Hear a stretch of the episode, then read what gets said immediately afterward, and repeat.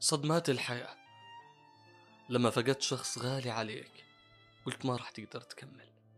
لما حلم حياتك تحطم قدام عينيك تحطم قلبك معه لما الشخص يلي بتحبه تركك رفعت إيديك وأعلنت استسلامك. مع إنك استسلمت إلا إنك كملت. ومع إنه جرح الماضي بعده ما طاب إلا إنك صرت أقوى من أي وقت. يا ترى ليش؟ ليش بتعيش حالك بضعف؟ ليش دائما خيارك الأول هو الاستسلام؟ ليش بالأساس بتنصدم من أي إشي بصير بحياتك؟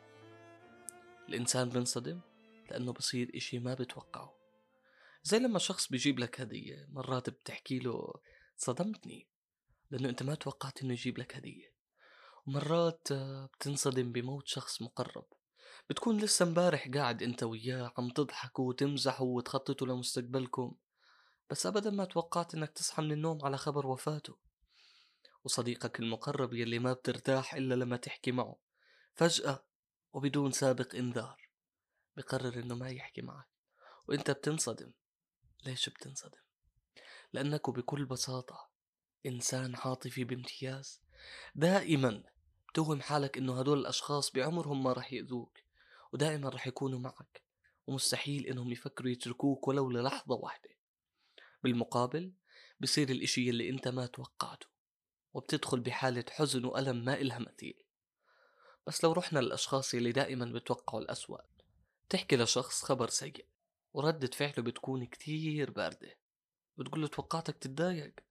فبرد عليك ليش أتضايق؟ أنا متوقع يصير هيك. وبكمل حياته زي ما أنت بتكمل حياتك. بس الفرق إنه أنت بتعيش لحظات حزن بتعيش لحظات ضعف.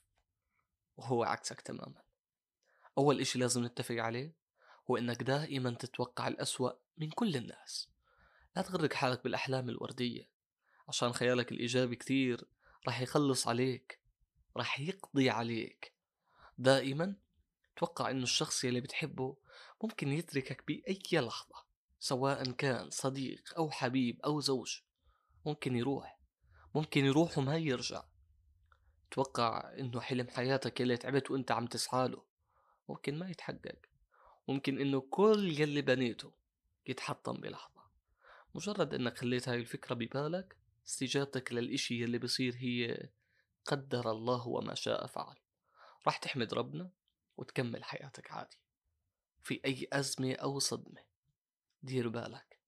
دير بالك دير بالك. إنك ترفع الراية البيضة دير بالك إنك تستسلم. لأنه الإشي الأكيد الحياة ماشية. ما رح توقف لا على شخص ولا على حلم ولا على أشياء مادية. الحياة ماشية. وإذا أنت استسلمت يعني أنت ضعيف. راح تكمل حياتك؟ بس رح تضل بصمة الضعف معلمة على جبينك ختاما أقول علمتني التجارب أن الاستسلام لا يجدي نفعا.